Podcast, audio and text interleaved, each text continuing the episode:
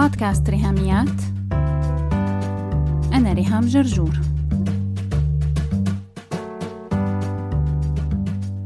مرحبا. وأخيرا الحلقة المنتظرة من موضوع ترفقي بنفسك. رح نحكي فيها عن التطبيق العملي والفعال لقرارك بأن تترفقي بنفسك.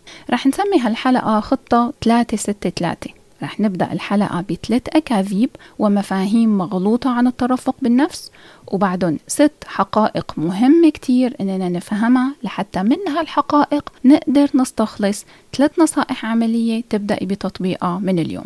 لهيك خلونا بالأول نعمل ضبط مصطلحات لأنه في ممارسات وأفكار ركبت على موجة السلف كومباشن فصرنا نفكرها إنه هي الترفق بالنفس لكن هي بالواقع أكاذيب حول الترفق بالنفس.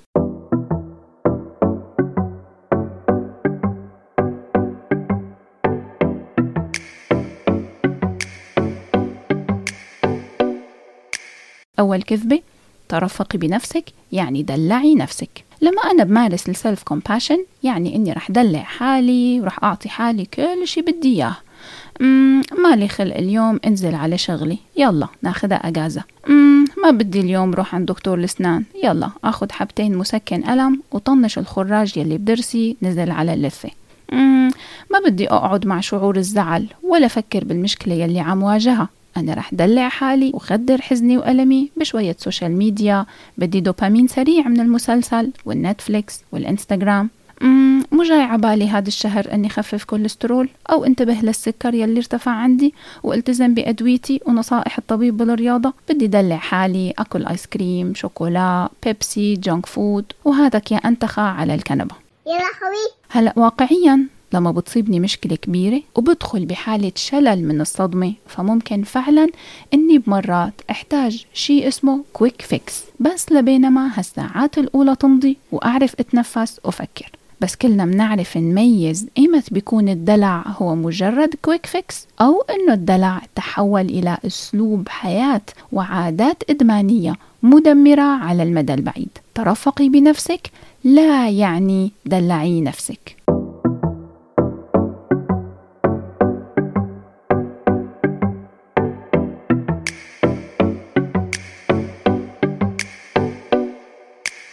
تاني كذبة ترفقي بنفسك يعني اختلقي الأعذار لنفسك. ما أنا بشر شو فيا يعني يا جماعة؟ كلنا منغلط وجل من لا يخطئ. مرة واثنين وثلاثة. بس هل كل مرة؟ كل مرة أنا بشر وكلنا منغلط ونغمة اختلاق الأعذار لحتى فلسع من المسؤولية. يمكن هاي نقطة تكون بتخوف البعض. إني لما اترفق بنفسي فهذا بيعني اختلاق الأعذار. لكن الحقيقة هي العكس. تماما. لما بتترفقي بنفسك بتكون الرؤية أوضح وفيها حكمة أكثر حتى تعرفي وتحددي مسؤوليتك باللي صار وكمان دورك بالحل. ترفقي بنفسك لا يعني اختلقي الأعذار لنفسك.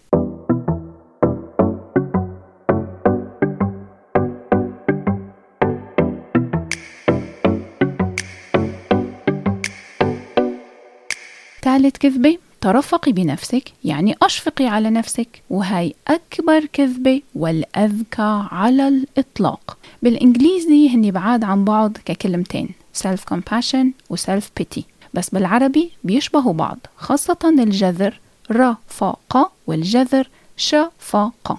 ترفقي بنفسك لا يعني أشفقي على نفسك لأنه رثاء النفس هذا مستنقع ما حدا فينا بيحب يقعد فيه وما حدا فينا بيحب يقرب من الناس يلي قاعدين بمستنقع الإشفاق على النفس ورثاء الذات.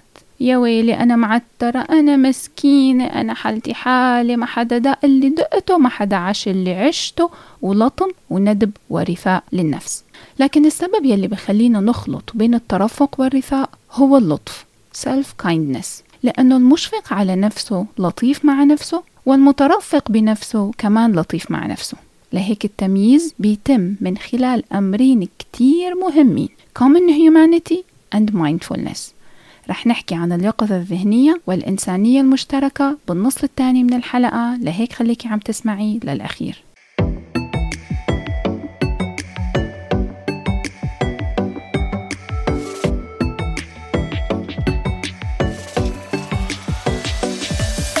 على ضوء الأفكار الستة الجاي رح تقدر كل وحدة فينا أنه تشتق خطوات خاصة فيها أثناء عملية الترفق بالنفس.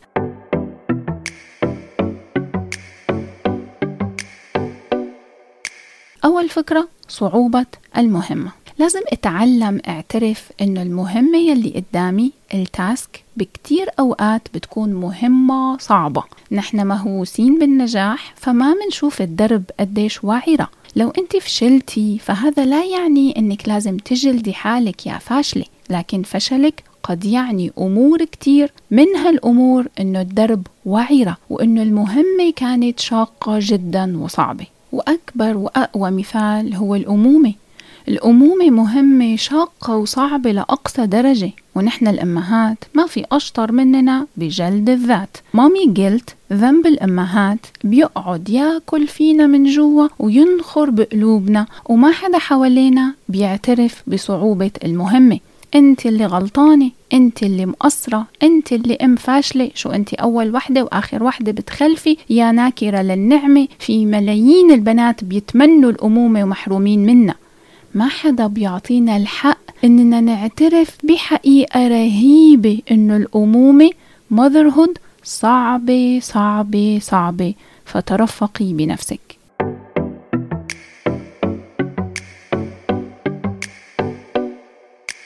اثنين تاريخ العيلة وفرص الماضي.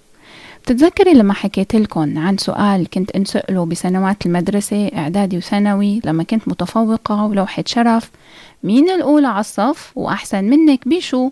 فاتن كانت الأولى على الصف وكانت أحسن مني بأنه كانت جاية من الكويت.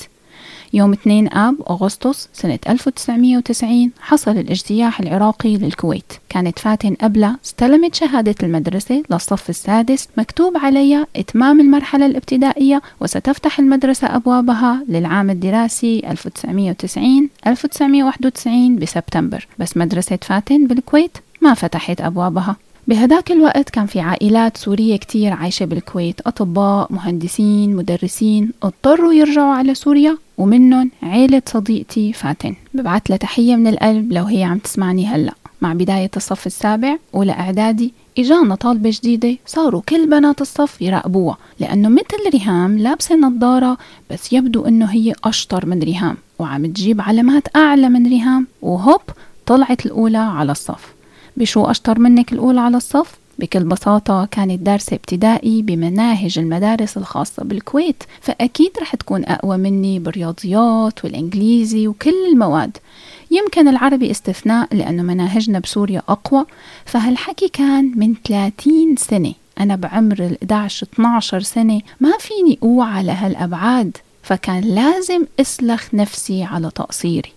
نحن لما اليوم منقارن حالنا مع غيرنا بيكون شي كتير ظالم لو ما مناخد بعين الاعتبار تاريخ عيلتنا وفرصنا بالماضي إنه هي مختلفة تماما عن تاريخ عيلتهم وفرصهم هني ما بصير اليوم نحن وبالجامعة أو خريجات أو متزوجات أو أمهات إنه نسأل هذا السؤال المجحف فلانة أحسن منك بشو؟ لأنه الجواب هو تاريخ العيلة والفرص بالماضي. كلنا جايين من ظروف معينة بتاريخ معين ومعنا لود سلبي أو دفعة إيجابية. يمكن بطفولتنا في أمور سمحت أننا نكون اليوم مؤهلين لتفوق معين ونجاحات باهرة لكن يمكن نكون بسبب ماضينا نحن اليوم غير مؤهلين للتاسك وللمهمة الموضوعة أمامنا.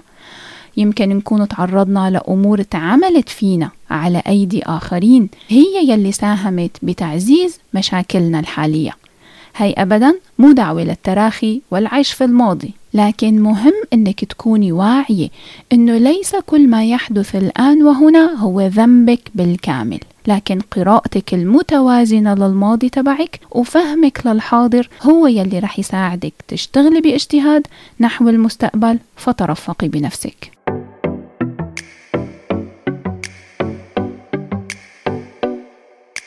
الفكرة الثالثة شباك الميديا. ما رح نقف عندها كتير كلنا بنعرفها برواز إطار الميديا كذب الميديا مثالية الميديا هي الفريم أو النظارة يلي عم شوف الحياة من خلالها. طول ما نحن قاعدين عم نستهلك ال social media فهي رح تضل عم تصدر لنا وتبروز لنا الناجحين فقط والأغنياء فقط والمشاهير فقط. ضاربة بعرض الحائط شيء اسمه The Statistical Norm. القاعدة الإحصائية. هالقاعدة بكل بساطة بتقول أنه الغالبية العظمى من البشر ليسوا عظماء ولا أثرياء ولا عباقرة ولا ناجحين ونجوم كما تكذب الميديا؟ يعني أنا يلي هبلة قاعدة عم أجلد حالي لأني ما حققت شي هو أصلا نادر. فالحل كتير بسيط شيل الزفت من إيدك. بيكفي بقى إنستغرام لأنك مانك واعية للقاعدة الإحصائية. أنت وأنا لا مكان لنا وسط نجومية الميديا فلازم نوعى لهالحقيقة ونخفف استهلاك هالكذبة ونتقبل حياتنا الرائعة وإنجازاتنا الأروع ونحتفل فيها ونحتضنها بدون فخ المقارنات. فترفقي بنفسك.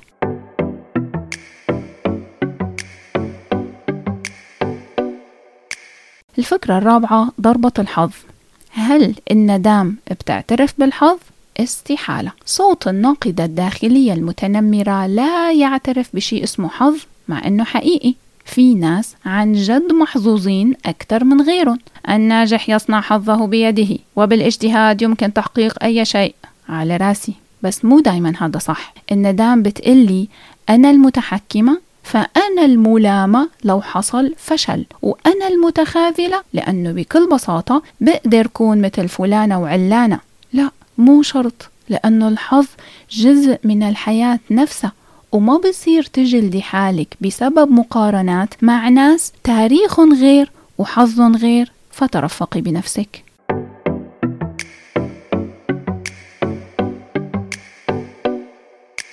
الفكرة الخامسة هشاشة القيمة. بنسمع عن هشاشة العظام بس نادرا ما حدا يحكي لنا عن هشاشة القيمة. لما باللاوعي بقول لحالي أنا أساوي إنجازاتي. هالجملة كارثية لأنه في إلها تكملة؟ أنا أساوي إنجازاتي فلو أنا فشلت يعني أنا لا أساوي شيء. فهون أنا لازم أفهم بكل خلايا جسمي وعقلي إنه قيمتي ليست نابعة من عوامل خارجية. حاولي ترجعي لطفولتك وتتذكري الناس اللي حبتك وقدمت لك الدفى والأمان لمجرد إنك موجودة. كل شخص مر بحياتك وقدم لك حب غير مشروط. تذكري هالأصوات الماضية والحاضرة إن وجد. الناس اللي مترفقين معك وبيعاملوك بطريقة kind and compassionate. خلي صوتهم يعلو فوق صوت الندام. ولو في أي حدا قدم لك وعم يقدم لك الحب الغير مشروط الحب المستقل عن الإنجاز فتغذي على هذا الحب وترفقي بنفسك.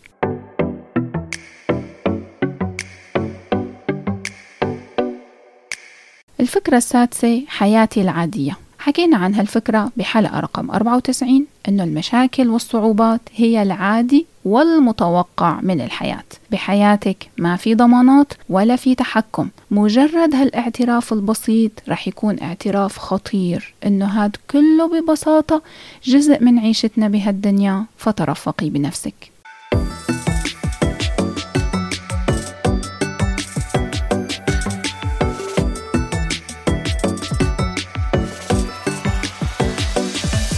وصلنا لختام خطة 3 6 3 لتترفقي بنفسك. وهدول هني النصائح الثلاثة. النصيحة الأولى مارسي اليقظة الذهنية والوعي بالألم. المايندفولنس يعني التأمل الواعي للألم نفسه وطبيعته اليونيفرسال طبيعة عامة ومتوقعة. لهيك حتى أترفق بنفسي لازم أكون واعية بمعاناتي وحاسة بالألم أتقبله ولاحظه بدون تخدير وبدون هروب. هلا يمكن تقولي لي إنه ريهام عم تمزحي. لاحظ ألمي ولاحظ معاناتي. ما هي قدامي ووجعتني وعم تصرخ أنا هون أنا هون. ما بدها ملاحظة يعني. الحقيقة إنه مو دايما هذا السيناريو لأنه جلد الذات بيولد ألم خفي أنا تعودت عليه لدرجة بطلت حس بوجوده وخاصة الألم يلي أنا عم ألحقه بنفسي. فأنا فعلا محتاج المايندفولنس حتى أوعى لهالألم يمكن أنت تكوني من النوع الواعي فعلا لألمك لكن اللي بيصير إنه بتحصل مشكلة بتقومي تلقائيا بتولفي على برنامج حل المشاكل problem solving mode فورا. يلا حل يا جماعة حل حل. حصل مشكلة بدك تخلصي من المشكلة بدك تلاقي حل بسرعة وبالتالي بيبقى حل غير ناجح. البديل الأفضل إنك توقفي لحظة تستديري ناحية الألم وتعترفي فيه وتعطيه وقته. تقولي لحالك هذا بيوجع هذا صعب أنا متألمة أنا محتاجة ترفق ورعاية حتى أقدر أتجاوز هالمحنة ومر خلال هذا النفق للآخر ولاقي الحل. لكن طالما أنت يا هربانة يا عم تخدري الوجع أو عم تجلدي حالك وتتسببي بوجع فوق الوجع أو عم تتجنبي الألم وتعملي سكيب وتنطي قفزة تجاه الحل مباشرة فما رح توصلي لحل حقيقي وبعيد المدى. خليكي mindful للألم وعطيه وقته. النصيحة الثانية هي ممارسة الإنسانية المشتركة بدل العزلة. تاريخنا التطوري كبشر بيحكي لنا عن خطورة العزلة وقطع التواصل مع الآخرين. الخوف من الإقصاء FOMO. لهيك بنقطة الترفق بالنفس مهم كتير كتير إن نعيش شيء اسمه الإنسانية المشتركة. Common humanity. إني أفهم تماما حقيقة أني لست الشخص الوحيد مع هالأفكار وهالصراعات. نحن في المعاناة نحتاج لشعور الارتباط والترابط مع الآخرين بدل العزلة. هاد بقى يلي بيميز ال self compassion عن ال self pity مثل ما قلت لك. رثاء النفس ما فيه إنسانية مشتركة. فيه عزلة وأنا مسكينة ومعترة ويا حرام وعم بتعذب. ما حدا ضايق اللي ضايقته ما حدا حاسس فيني. نعم هذا هو رثاء النفس والشفقة على النفس والبكاء على الأطلال. لكن ترفقي بنفسك عكس هيك تماما بسبب نقطة الإنسانية المشتركة. لما أعرف إنه الندام يلي براسي هي ليست unicorn مخلوق نادر الوجود. لا هي كائن عايش براسي وفي مثل واحد تاني براسك وراسك وراس كل واحد فينا. الألم خبرة إنسانية والمعاناة جزء من الحياة.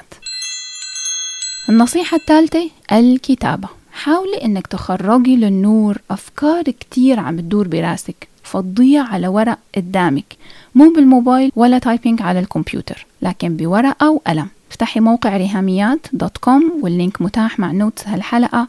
بتلاقي فيه worksheet وفيك تطلبي ال worksheet كمان من الإيميل ريهاميات at gmail.com هال worksheet اسمه ترفقي بنفسك. لما تطبعي الورقة وتكون متاحة بإيدك رجعي اسمعي سلسلة هالحلقات من الأول. على ضوء كل يلي حكينا فيه بموضوع ال self compassion خصصي وقت هادي لتسمعي بتأني وتركيز وكل شوي اعملي pause وجاوبي على الأسئلة بالورقة. اكتبي فيها أفكارك وقراراتك واحتفظي فيها حتى ترجعي لها كل ما احتجتي.